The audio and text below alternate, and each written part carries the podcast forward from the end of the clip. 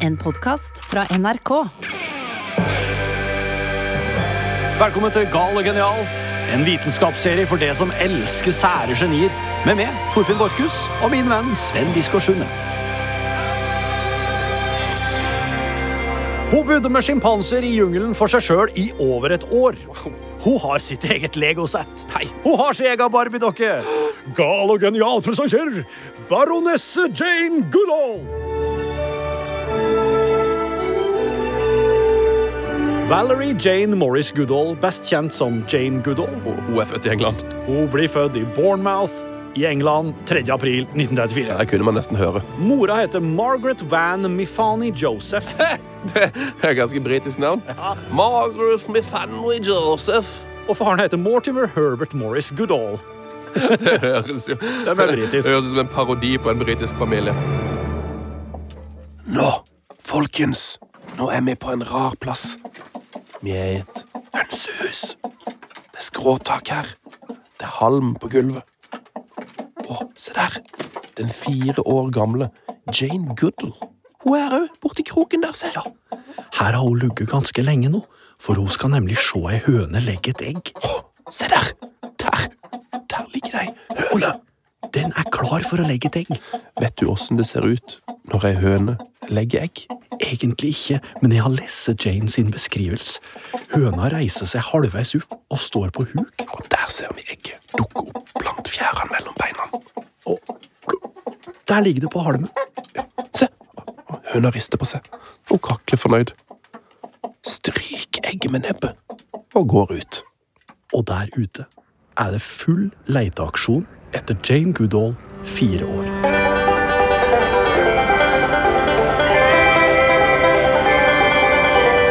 Som du sikkert skjønner, så er Jane glad i dyr og er mye på bondegården til besteforeldrene. Jane vokser opp med ei mor som elsker henne og backer opp, og en far som jobber i militæret og dessverre er fraværende hele oppveksten. Notere og tegne og lese bøker om dyr og dyrs oppførsel gjennom hele oppveksten. Eh, Når hun bare er åtte år, så bestemmer denne dyrenerden seg for at hun en dag skal dra til Afrika. Hun måtte bare gjøre ferdig én ting først grunnskolen. Grunnskolen på denne tida i England det var i praksis ei tolvårig grunnskole, altså en slags barne-, ungdoms- og videregående skole i ett.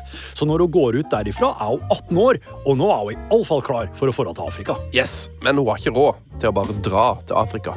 Hun har jo ingen penger. eh, Hun har heller ikke råd til å gå på universitetet. Så hun går på noe som den gang kalles sekretærskolen. Der fikk hun svart belte i skrivemaskin og arkivering. Det kan være greit å kunne. Og for at når du lærer deg et fag, da kan du jo få deg betalt jobb. Så Jane får seg nå en sekretærjobb for å tjene penger til å dra til Afrika. Og nå kommer den første av ei rekke tilfeldigheter her. Bare hold deg fast. Ja, for I motsetning til mange av de andre geniene i denne serien, her, så er det altså så utrolig tilfeldig at Jane Goodall ender opp der hun gjør.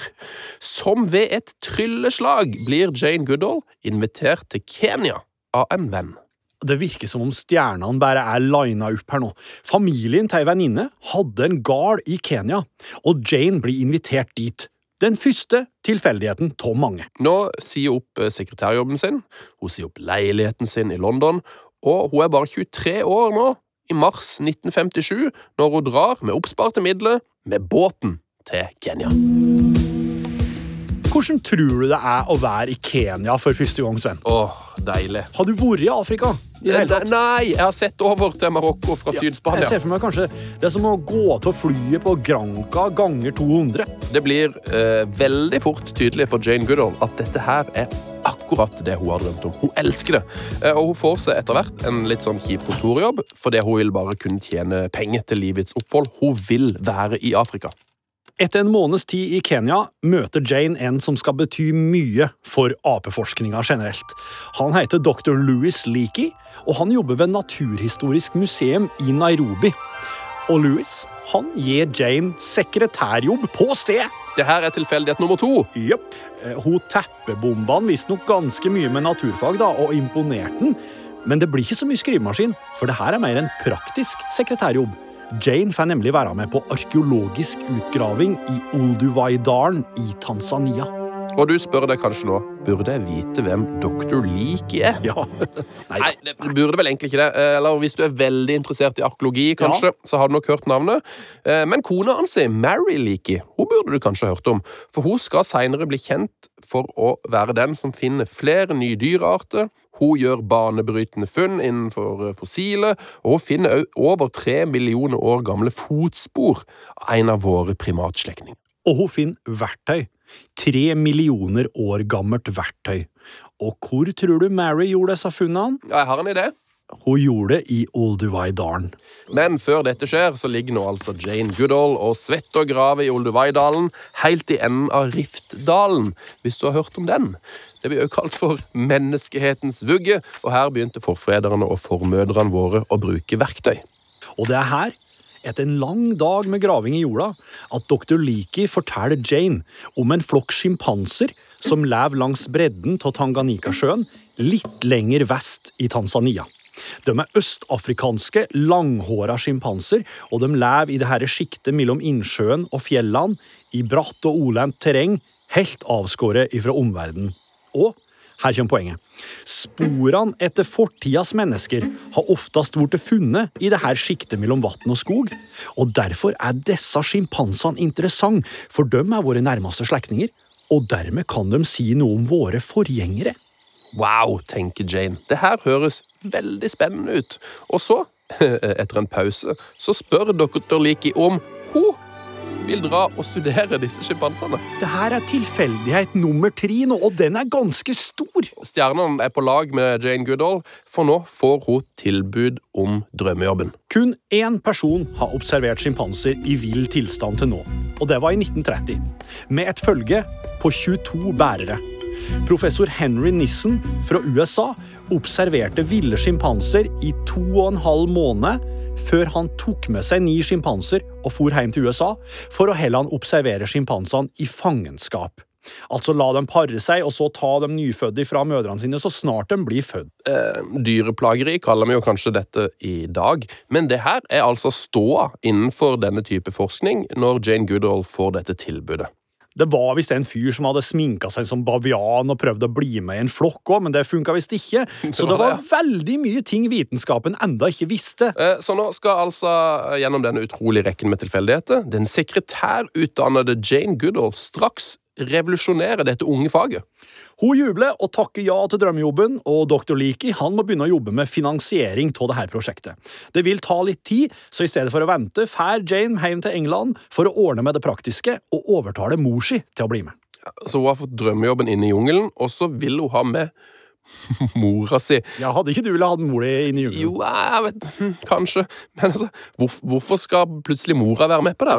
Jo, for at mora er van. Med fanway. Ja, hun hadde nemlig vært i Afrika før, og mor og datter de kommer veldig godt overens i den historien her. Dessuten så måtte Jane ha med seg noen, for i 1958 så kunne ikke ei ung europeisk dame reise for seg sjøl inn i jungelen. Det var helt uhørt, og det hadde jo aldri skjedd før.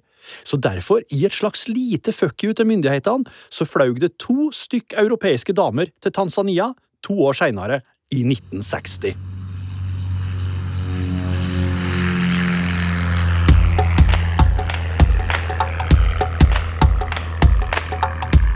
Vel framme i Tanzania begynner Jane å trene. Å trene. Ja, det er noe styr med fiskerne i sjimpanseområdet, så hun må vente litt, så da trener hun ved å studere vervetaper på ei øy i Victoriasjøen. Ah, forskningstrening. Ja. Eh, Hvordan ser vervetape ut? Er det, er det sjimpanselignende dyr? De er litt mindre, de er lys i pelsen, sjimpansene er jo helt myke i pelsen.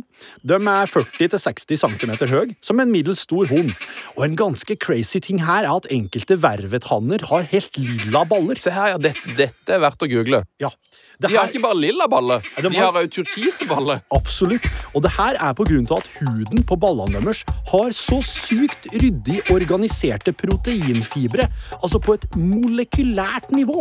Nå, nå snakker vi apeballe. Ja. Um, Og det var jo egentlig ikke det her Jane skulle drive med. det var ikke dette vi skulle snakke om heller. Nei, men det her er jo gal genial, og om det er noe vi har sett her, så er det jo at vitenskapen og metodene og oppfatningene alltid er litt i spill. Ting utvikler seg, forandrer seg og flytter på seg. Og I 1960 så visste de ennå ikke at det var proteinene som gjorde ballene blå. Oh, ja, Eller lilla, men det veit oss nå. det vet vi nå. Takka være høyt utdanna folk. Apropos høyt utdannede folk, vi kjører en quiz. Hva slags høyere utdanning hadde Jane Goodall? Den som har fulgt med litt tidligere i denne episoden her, veit at hun har jo tolvårig grunnskole. Ja, Og hun har sekretærskole. Men jeg tror ikke det gjelder som høyere utdanning. Hun har ingen høyere utdanning. Torfinn. Jane Goodall hadde jo altså ingen begrep om vitenskapelig metode. Og her driver hun på altså og får ansvar for et ekstremt banebrytende vitenskapelig feltarbeid. Uutdanna og 26 år gammel. Men det var en tanke for det, viser det seg, for det her gjorde at Jane ikke var forutinntatt og trangsynt av akademisk tenkning. Iallfall så var det visstnok det dr. Leakey hadde tenkt. Faktisk eh, så hadde Louis Leakey enda en tanke for det her. Han trodde nemlig at damer var bedre egnet for vitenskapelig feltarbeid enn menn, fordi damer er mer tålmodige. Kanskje navnet Diane Fossey ringer ei bjølle? Kanskje? Hun studerte gorillaer i Rwanda. Eller hvis du er skikkelig gal og geniallytter, så har du kanskje til og med hørt om Birute Galdikas. Å, gode gamle Birute. Ja, hun er verdens fremste ekspert på orangutanger. Og begge disse kvinnelige feltarbeiderne, i tillegg til Jane Goodall, var det dr. Leakey som gjørte i gang. Slutt!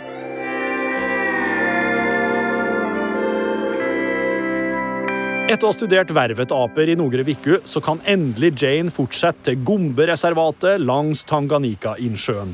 Det er et lite vestvendt paradis der bølgene slår mot land, og fiskerne synger og tramper i båtene sine ute på sjøen for å lokke til seg fisk. Og her er det fint, og mor og datter Goodall de etablerer nå en camp her i skogkanten, og de koser seg i selskap med padda Terry som bodde der.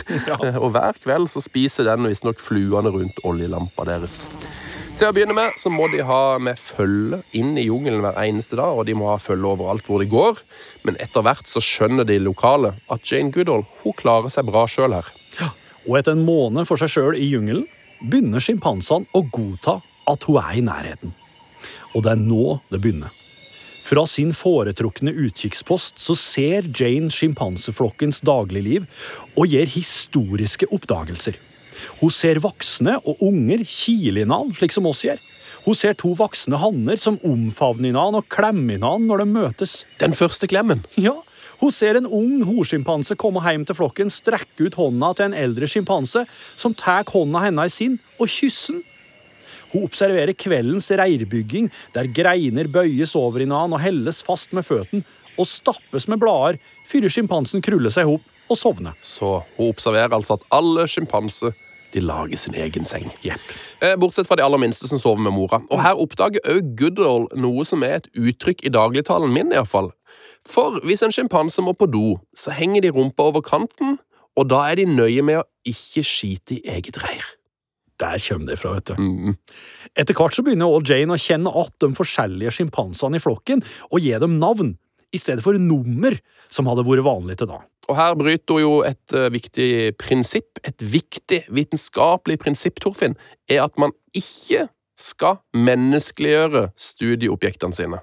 Men Jane hun er mer opptatt av forskjellen mellom individene i flokken, så hun kaller den gamle for MacGregor, hun kaller den eldste hoa for Flo, med dattera Fifi og sønnen Figgen. Ollie, William, David Gråskjegg og Goliat er noen andre sjimpanser, for å nevne noen. Og apropos kjenne igjen ansikter, her setter vi inn en quiz. Ok, Jane har en lidelse som kalles prosopagnosi. Hva er det for noe? Prosopagnosi. Få høre nå. Eh, jeg tenker på sånn der at du er redd for edderkopp, eller de heter alltid heter sånne ting. Ja, Det er ikke det. Hun er redd Det har noe med ansikter å gjøre. Hun er redd for ansiktet. Hun kjenner ikke igjen ansiktet. Men dette er jo veldig rart. Altså, hun bryter jo nå et prinsipp. Hun gir de navn fordi at hun kjenner det igjen. Ja. Men så kjenner hun ikke igjen ansiktet. Hvordan får hun det til? Det er mest på grunn av at de hadde ganske tydelige trekk. For eksempel David Gråskjegg. Han hadde grått skjegg. Han hadde Han grått skjegg. grått skjegg. Ja, den er god. god. Flo hun hadde noe litt sånne fillete ører, akkurat som hun har blitt skada eller bitt i øret. Ja, jeg tipper Goliat var Stor okay. og sterk. Han var den største av dem, så sånn kunne hun kjenne meg. Og så, en dag da Jane kommer opp på utkikksposten sin, ser hun en flokk sjimpanser som sitter i tretoppene rett nedenfor henne.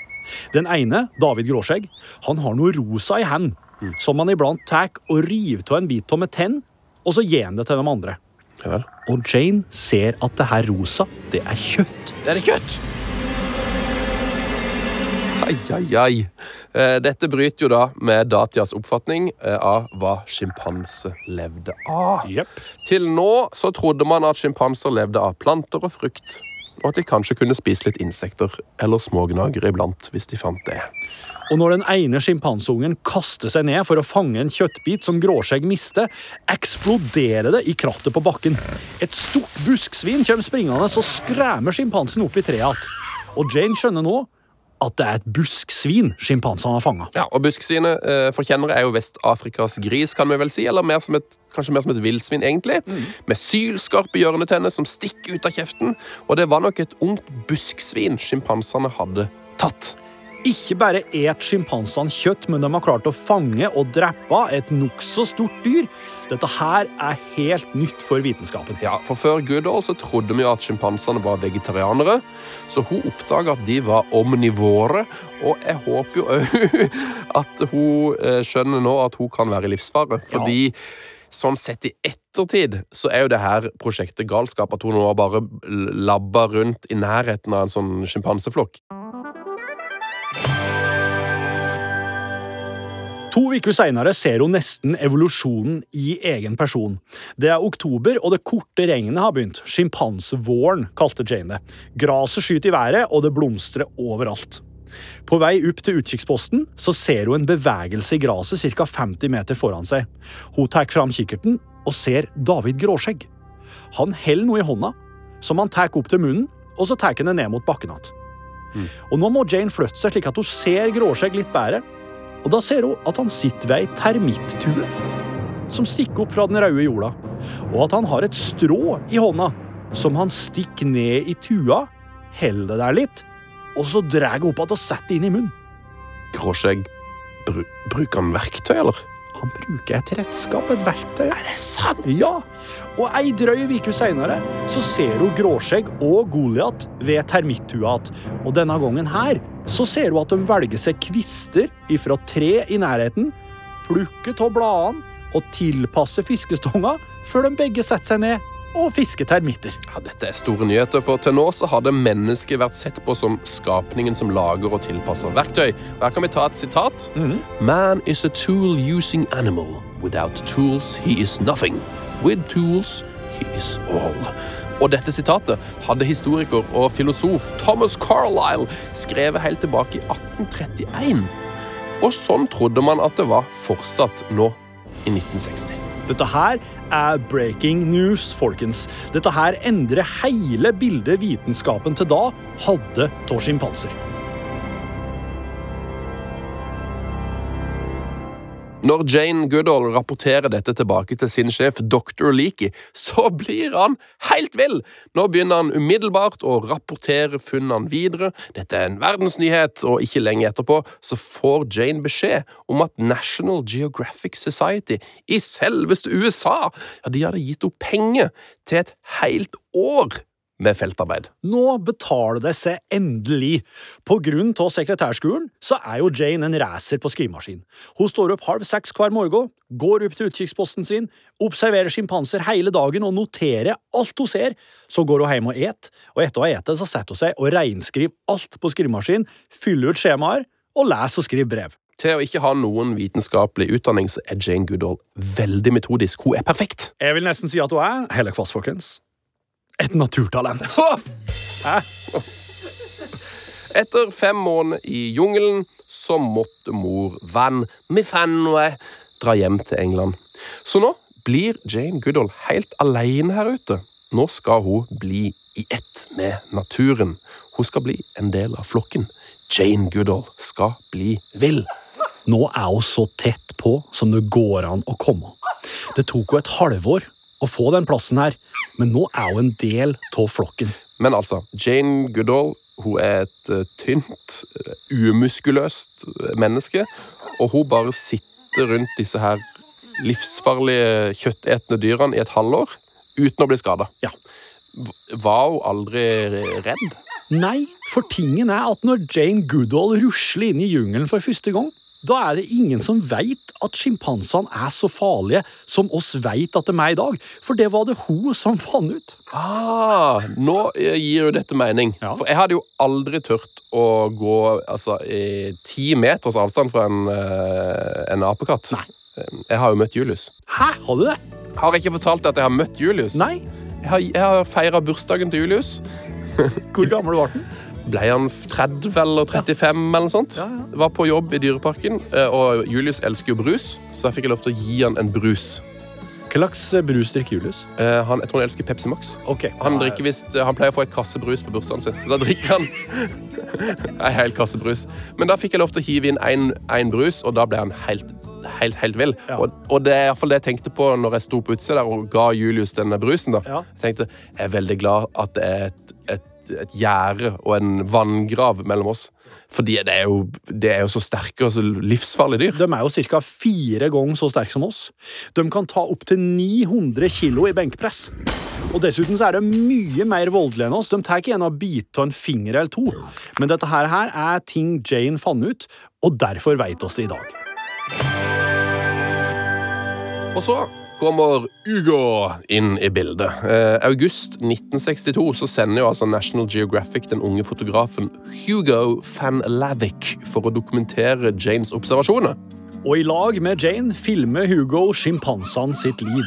Kyssing, stelling, leiing, klapp på skuldra, kiling og andre menneskehandlinger blant sjimpanser. Unike bilder. Og de oppdager òg at etter hvert som sjimpansene slutter å være redd for dem, så følger de etter dem ned til leiren.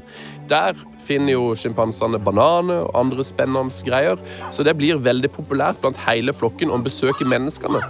Og da må Jane gjøre noe litt, litt sånn på kanten. Hun må sette opp en slags foringsstasjon for å kontrollere matutdelinga. Ja, det her får hun en del kritikk for, men det var nødvendig for at Hugo skulle klare å fange alt sjimpansene gjorde på film.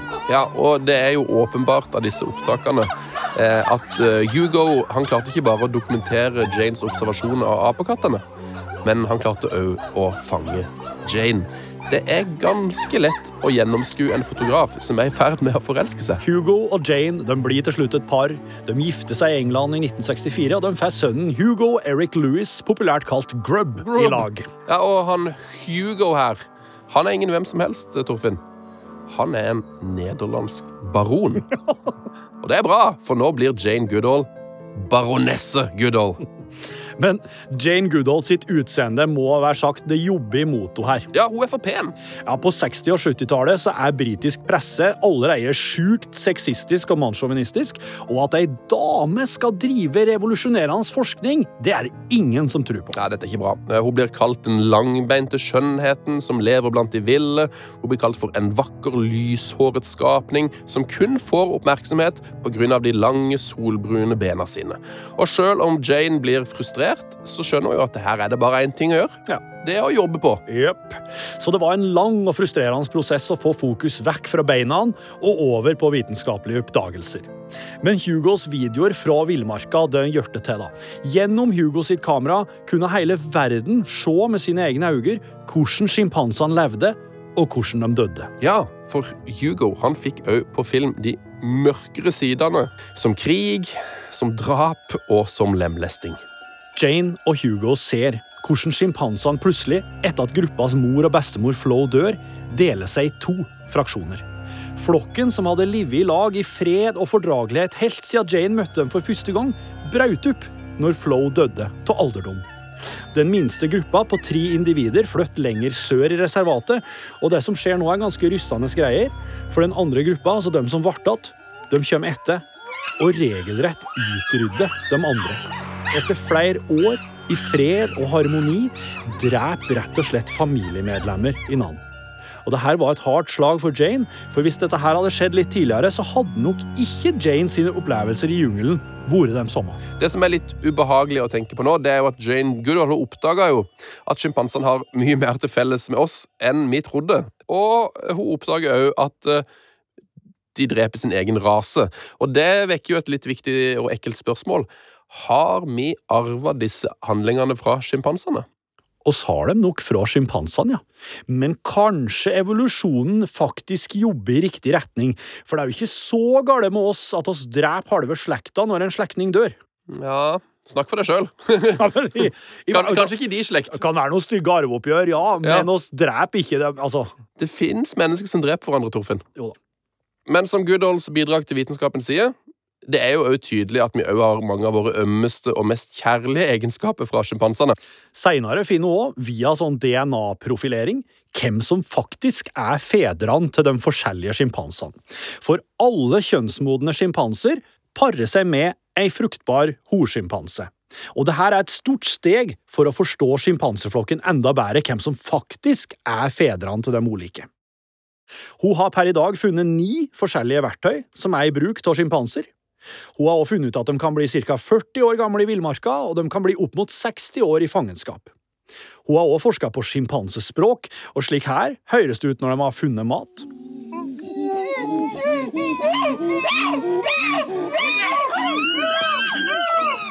Det er bruslyden til Julius. Og her er lyden de logger hvis de kommer over noe som er uvanlig eller farlig.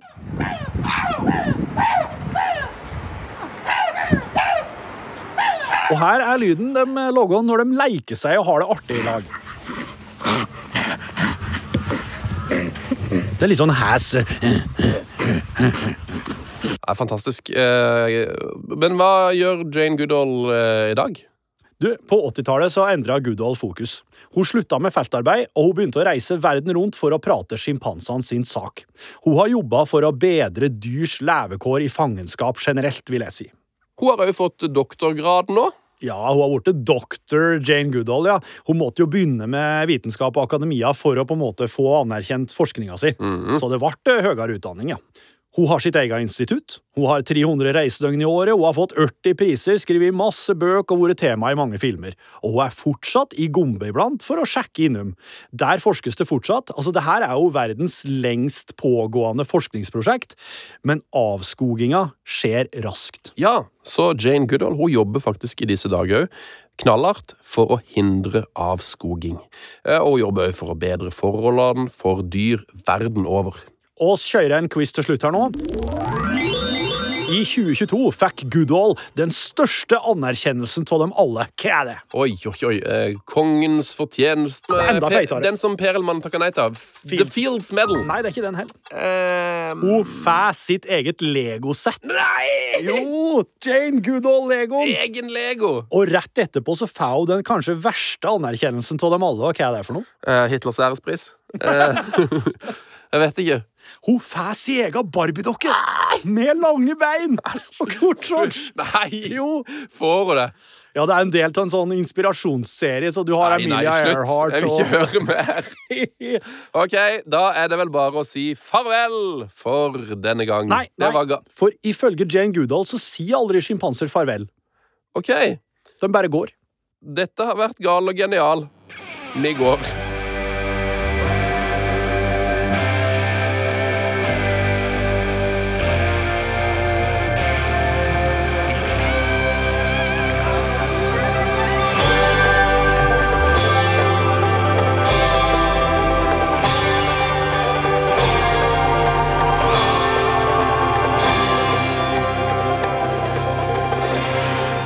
Denne podkasten er logget av Sven og Torfinn Erlend Lånke Solbu, kjenningsmelodi av Stian Karstensen, lyddesigner av Ingebjørg Hagerup og redaktør er Line Gevelte Andersen. Ny episode neste tirsdag. Vær velkommen. Du har hørt en podkast fra NRK. De nyeste episodene hører du først i appen NRK Radio.